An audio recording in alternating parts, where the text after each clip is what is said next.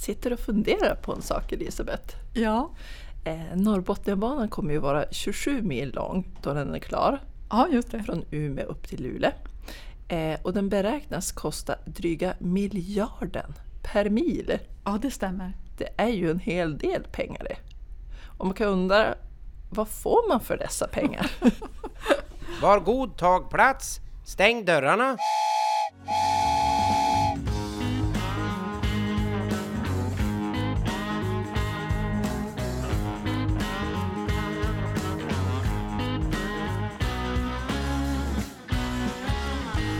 Och välkomna tillbaka till vårt första avsnitt i podden En bana tre spår.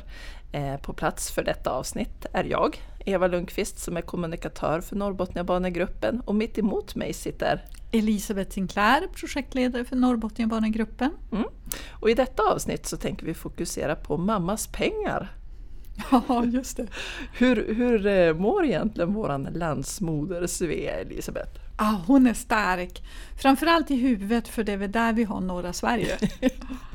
jag tänker att eh, jag ser henne framför mig, då måste hon ha väldigt stort huvud i förhållande till övriga kroppen. Eh, men, men om vi ska titta lite i hennes plånbok, hur mycket pengar går till infrastruktur? Ofantligt mycket pengar. I den kommande nationella transportplanen så går ungefär 623 miljarder kronor till infrastruktur i Sverige. Mm. Det är ju en hel del. Eh, men jag tänker vi får ju ofta frågor varför så få projekt i norr får eh, ta del av dessa pengar. Eh, är Svea verkligen rättvis med, med sina barn kan man ju undra om vi ska fortsätta med metaforen.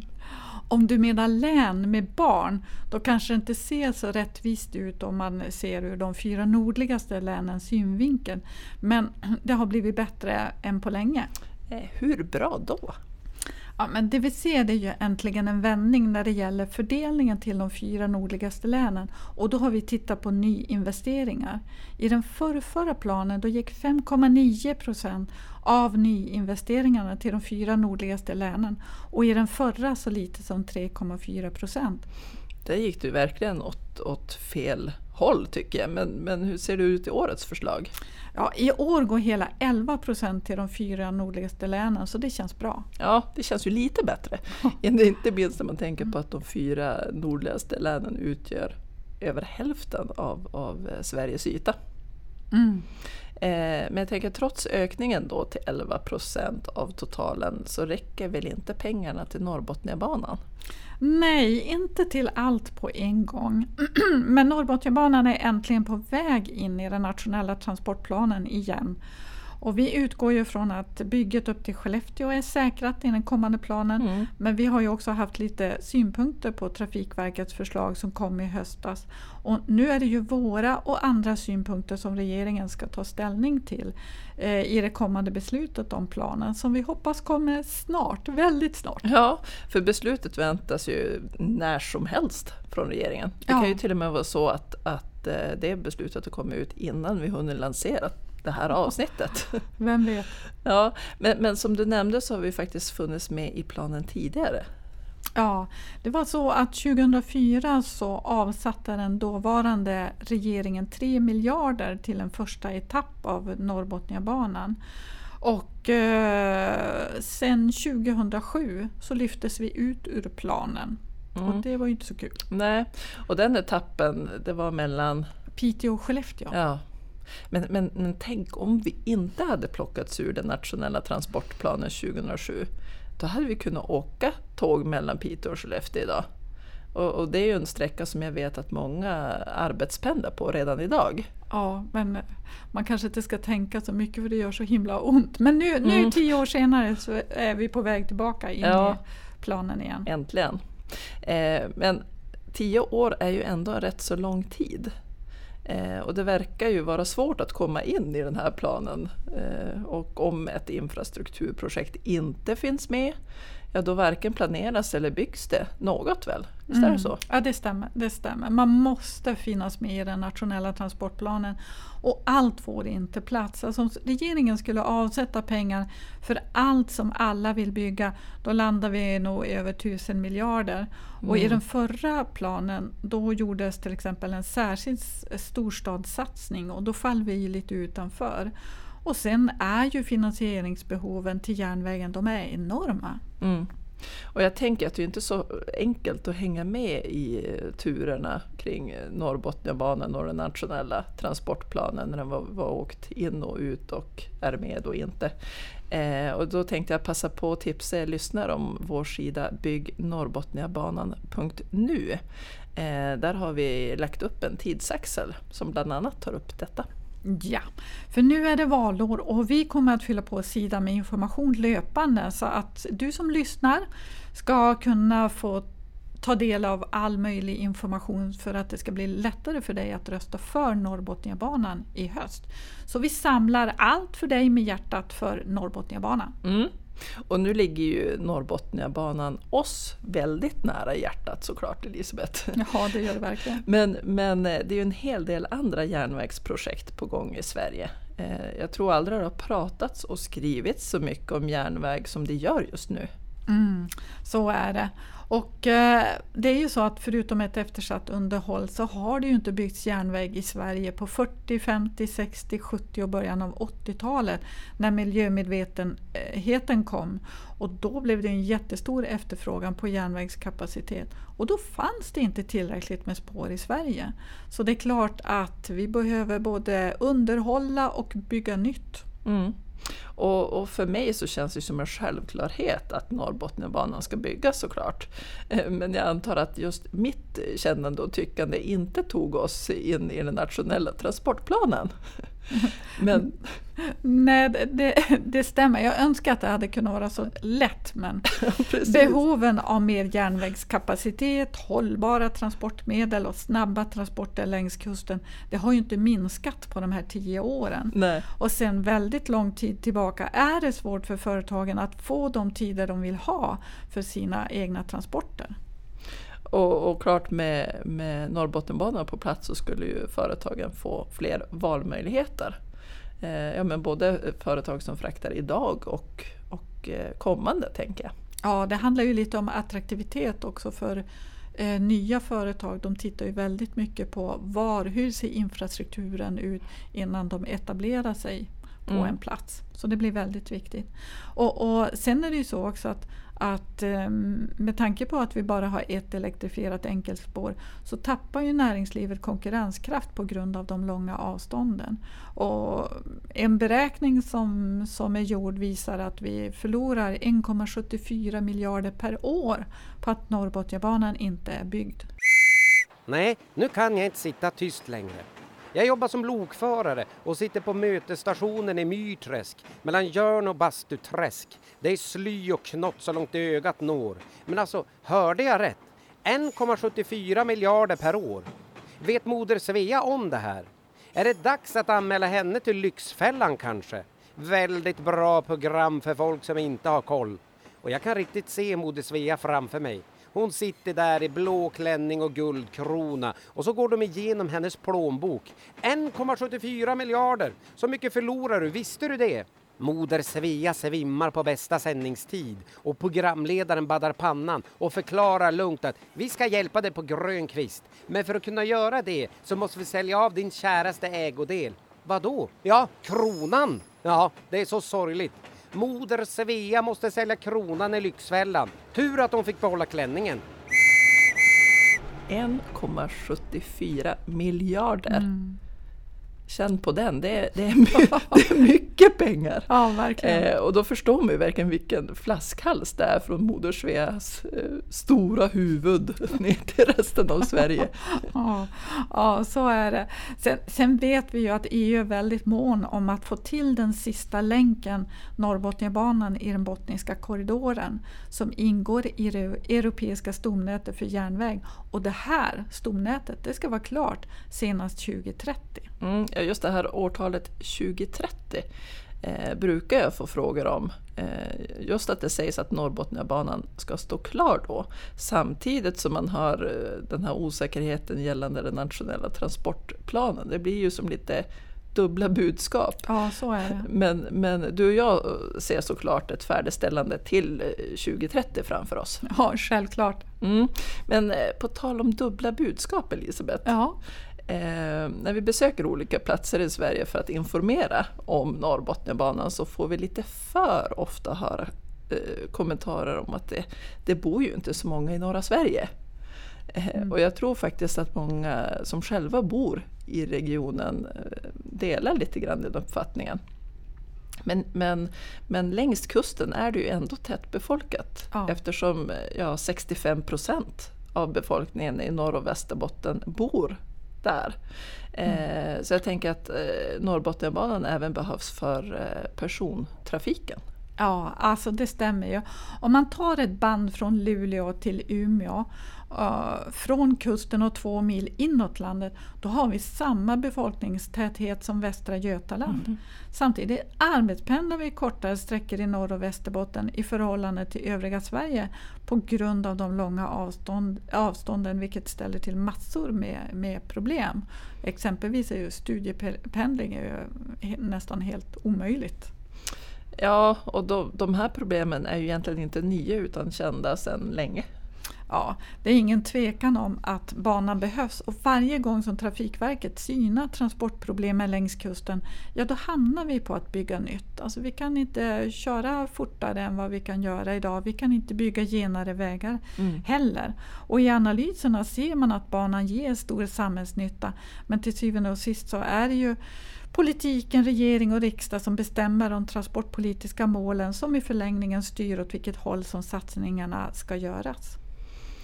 Eh, jag tänker att man ska alltså ligga bra till i Trafikverkets uträkningar och analyser. Aha. Och även sedan hos eh, regering och riksdag. Ja. Eh, man börjar förstå att det är tufft att komma med i den här eh, nationella transportplanen. Då, ska man, då det ska passas in på alla håll och kanter. Jag ser som den här klosslådan framför mig som man lekte med när man var liten när man ska försöka få en fyrkantig kloss i en, ett runt hål. Ja, du satt också med en sån. Ja. Jo, men jag håller med. Det är därför det är så viktigt att vi pratar med, framförallt med våra politiker, om behovet av Norrbotniabanan. Men också om de mervärden som den skapar. Men sen behöver de också få kunskap om norra Sverige. Så att de inte bara blir hänvisade till hårda fakta. För då kan det ju bli fel när man bara stirrar sig blind på kalkyler och tror att man har fått uh, den stora bilden. För så är det ju inte riktigt. Nej, jag vet ju att du brukar låta riktigt upprörd ibland när vi pratar om just de här kalkylerna.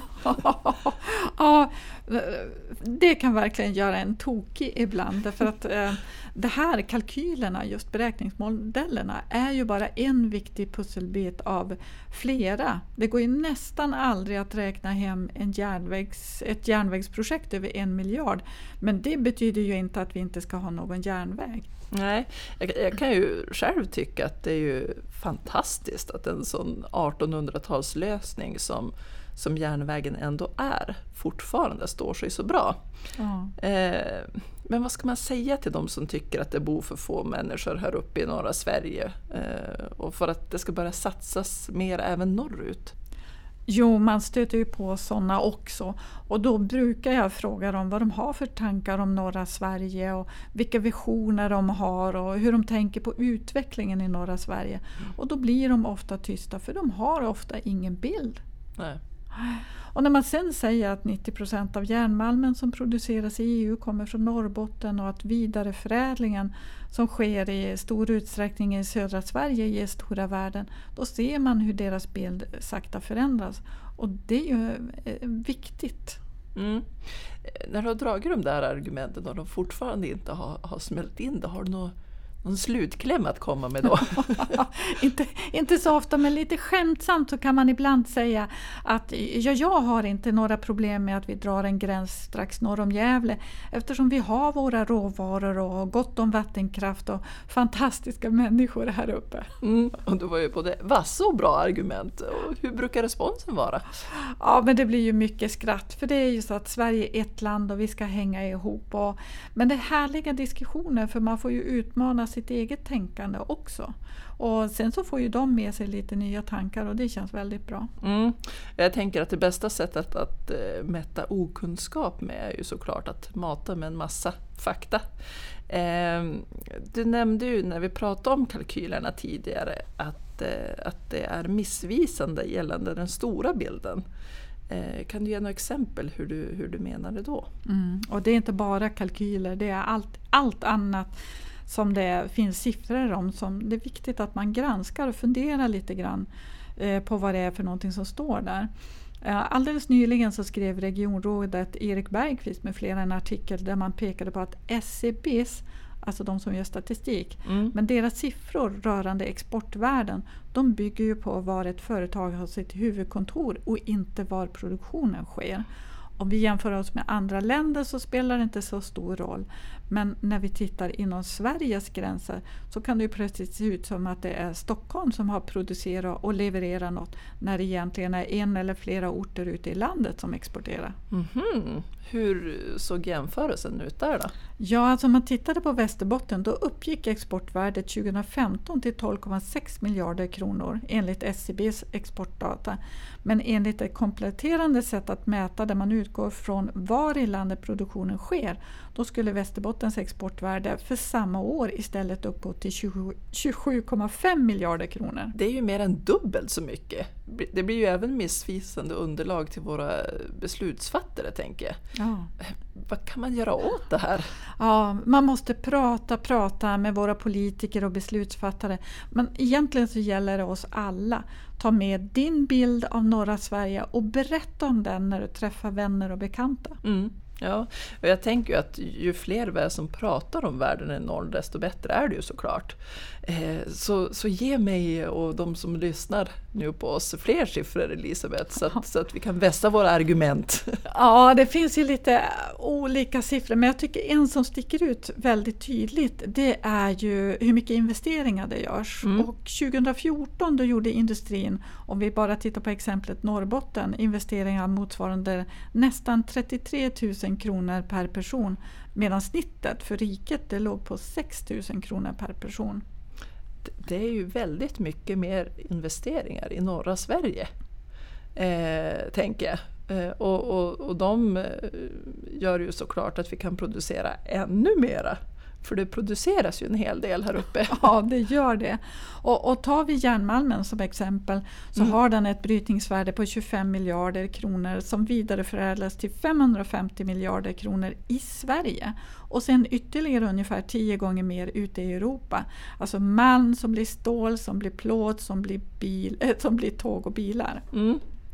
Eh, och det, det, blir en hel del siffror där, men, men vi brukar ju säga för att visualisera det, att det fraktas eh, stål motsvarande ett helt Eiffeltorn ja, från det. norra Sverige varje dag. Ja, och vi vill frakta fler. Ja, och då har vi ju inte ens pratat om skogen och dess värden. Mm. Och det är ju därför det är så illa när vi får rälsbrott eh, på den nuvarande stambanan eftersom det är det enda elektrifierade spåret mellan Luleå och Umeå. Ja. Eh, så stannar trafiken här så stannar ju även produktionen söderut i Sverige. Och det är klart, med Norrbotniabanan så blir det ju mindre känsligt om man får den här dubbelspårsfunktionen med möjlighet att leda om trafiken om det skulle bli ett brott någonstans. Ja, precis. Nej, nu kan jag inte sitta tyst längre. Eh, både jag och Knotten får snart dåndimpen här på mötesstationen i Myrträsk. Och jag kom att tänka på ett annat bra tv-program jag skulle vilja rekommendera eh, som sprider information och gör det svåra begripligt. Lilla Aktuellt. Jajamän, ni hörde rätt. Lilla Aktuellt. Mitt förslag är låt Lilla Aktuellt reda ut alla de här svåra analyserna om infrastruktur, samhällsekonomiska samlade effektbedömningar så alla förstod. Och så håller vi tummarna på att Lilla Aktuellt en gång för alla lyckas förklara att norra Sverige sitter ihop med södra Sverige. Ja, jag säger då bara det. Släng in en talför åttaåring som kan förklara hur allt sitter ihop. Det är precis vad den här debatten behöver. Med vänliga hälsningar från mig och Notten Myrträsk. Men, men nu börjar jag känna en stigande frustration faktiskt här Elisabeth, ungefär som, som den, din gällande kalkylerna. Eh, för jag tänker att 90 procent av all malm som produceras i EU kommer från Norrbotten. Eh, och jag tänker det är väl därför EU är så positiva till, till utbyggnaden av banan. Ja exakt, de vet, de har en väldigt tydlig bild av norra Sverige. Mm. Och när vi är, när vi pratar med EU, när vi är i Bryssel och pratar, då finns det nästan inga dörrar att slå in. Det är liksom vidöppet. De är så positiva till den här satsningen. Och alldeles nyss kom ett väldigt glädjande besked om att vår regering har begärt att EU ska titta närmare på att förlänga en av nio stomnätskorridorer från Stockholm till Kiruna, Narvik och Haparanda-Torneå. Och det är ett mycket glädjande besked. Mm, och då var vi jätteglada och skålade med champis i ditt rum Elisabeth. ja, precis. Och, och, för er som lyssnar så det är just de här grejerna, det händer så mycket på insidan som vi gläds åt. Andra saker kanske vi blir lite mer bekymrade åt men det här skulle ju vi vilja att ni kanske fick ta mer del utav. Mm. Och just det här med korridoren, det handlar ju om, om fortsatta medfinansiering från EU. Ja, mycket viktigt. Därför vi var, vi var så glada. Eh, men jag tänker på all denna produktion och export eh, som vi har nämnt tidigare. Eh, det måste ju i sin tur leda till statliga intäkter. Ja, för att ta nu LKAB som exempel så har de de senaste 20 åren, läste jag en uppgift här, levererat minst 28 miljard, miljarder till ägaren staten och cirka 40 miljarder i form av skatt till staten. Mm. Och det blir ju nästan 70 30 miljarder till Moder Svea. Jajamensan. Och det är ju faktiskt så att Sveriges välstånd är ju till stora delar byggt med hjälp av våra råvaror från norr. Och basindustrin är ju oerhört viktig för Sveriges eh, ekonomi. Mm. Eh, och då tänker jag att man borde kunna sammanfatta vårt samtal med att om, om eh, Norrbotniabanan byggs så hjälper den att dra in mer pengar till mamma Svea. Ja, som i sin tur kan fördela dessa till sina barn så att de får mer resurser till exempelvis till eh, infrastruktur. Helt rätt och riktigt. Ja, det, det är ju som sagt därför det är så viktigt för oss att vara ute och träffa politiker och fylla på med kunskap. För det är tufft som politiker att skaffa sig ett underlag själv och de gör ett fantastiskt jobb.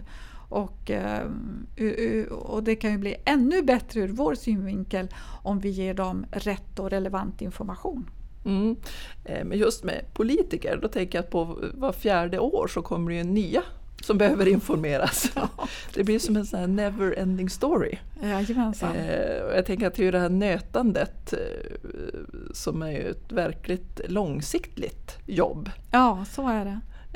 Och det har tagit 18 år innan vi har kommit så långt som en byggstart nu i höst mellan eh, Umeå och Dova. Mm. Eh, och det, låter, det kan ju låta länge faktiskt med 18 år, eh, tycker jag. Men är det ja. länge? Ja, alltså det, generellt är det väldigt långa ledtider när det gäller så här stora infrastruktursatsningar. Och det gäller för hela Sverige. Ta Ostlänken mellan Järna och Linköping, de har hållit på över 23 år. Och när det gällde Botniabanan då hörde jag, eh, och då hade de ju hållit på att jobba ett tag, men jag hörde de första tankarna 1988. Mm. Men det tog tio år innan man klubbade beslutet om att bygga Botniabanan. Och det var väl tur det, så att jag hann vara med om bygget och färdigställandet. Ja. ja det, då gick det ju snabbt Jajamän. för, för Botniabanan, tänker jag. Mm. Eh, men, men tillbaka till min fråga från början. Ja. Eh, 29 miljarder det, det, är ju väldigt mycket pengar. Ja, det är det. För byggandet av, av Norrbotniabanan. Mm. Eh, om, om jag skulle ta och börja räkna till en miljard, ja. eh, då skulle det ta ungefär två sekunder per tal. Ja. Vet du hur länge jag skulle få räkna Elisabeth? nej, nej, ingen aning. I 63 år! Men vet du, då är Norrbotniabanan byggd för länge sedan. Ja, det hoppas jag verkligen. Ja, men det är klart att det är mycket pengar, men det beror ju också på vad man jämför med. Jag minns att när jag började i det här projektet 2009 då hade man räknat på det och då kom man fram till att 16 veckors industriell produktion i regionen motsvarade kostnaden av bygget av Norrbotniabanan. Det är du. Mm. Men, men jag tror att jag såg att det stod 13 veckor på en gammal roll-up som vi har. Ja, men det var ju när det var högkonjunktur. Ah, där ser man. Eh, men om det går så bra för näringslivet utan Norrbotniabanan, hur bra ska det då gå med Norrbotniabanan? Ja, alltså det tål ju verkligen att diskuteras om. Ja, det tycker jag att eh, vi tar upp i nästa podd. Eh, det avsnittet får väl heta för godset i tiden. Ja men det låter pampigt och ja. bra. och medan ni väntar på detta godsavsnitt så eh, kan ni fördjupa er i det här avsnittet om mammas pengar på vår blogg som ni hittar på norrbotniabanan.se. Och om det poppat upp några funderingar så är ni välkomna att mejla dem till info norrbotniabanan.se. Hej hej och ha det gott så länge! Hej då! Klockan är slagen, var god tag plats, stäng dörrarna.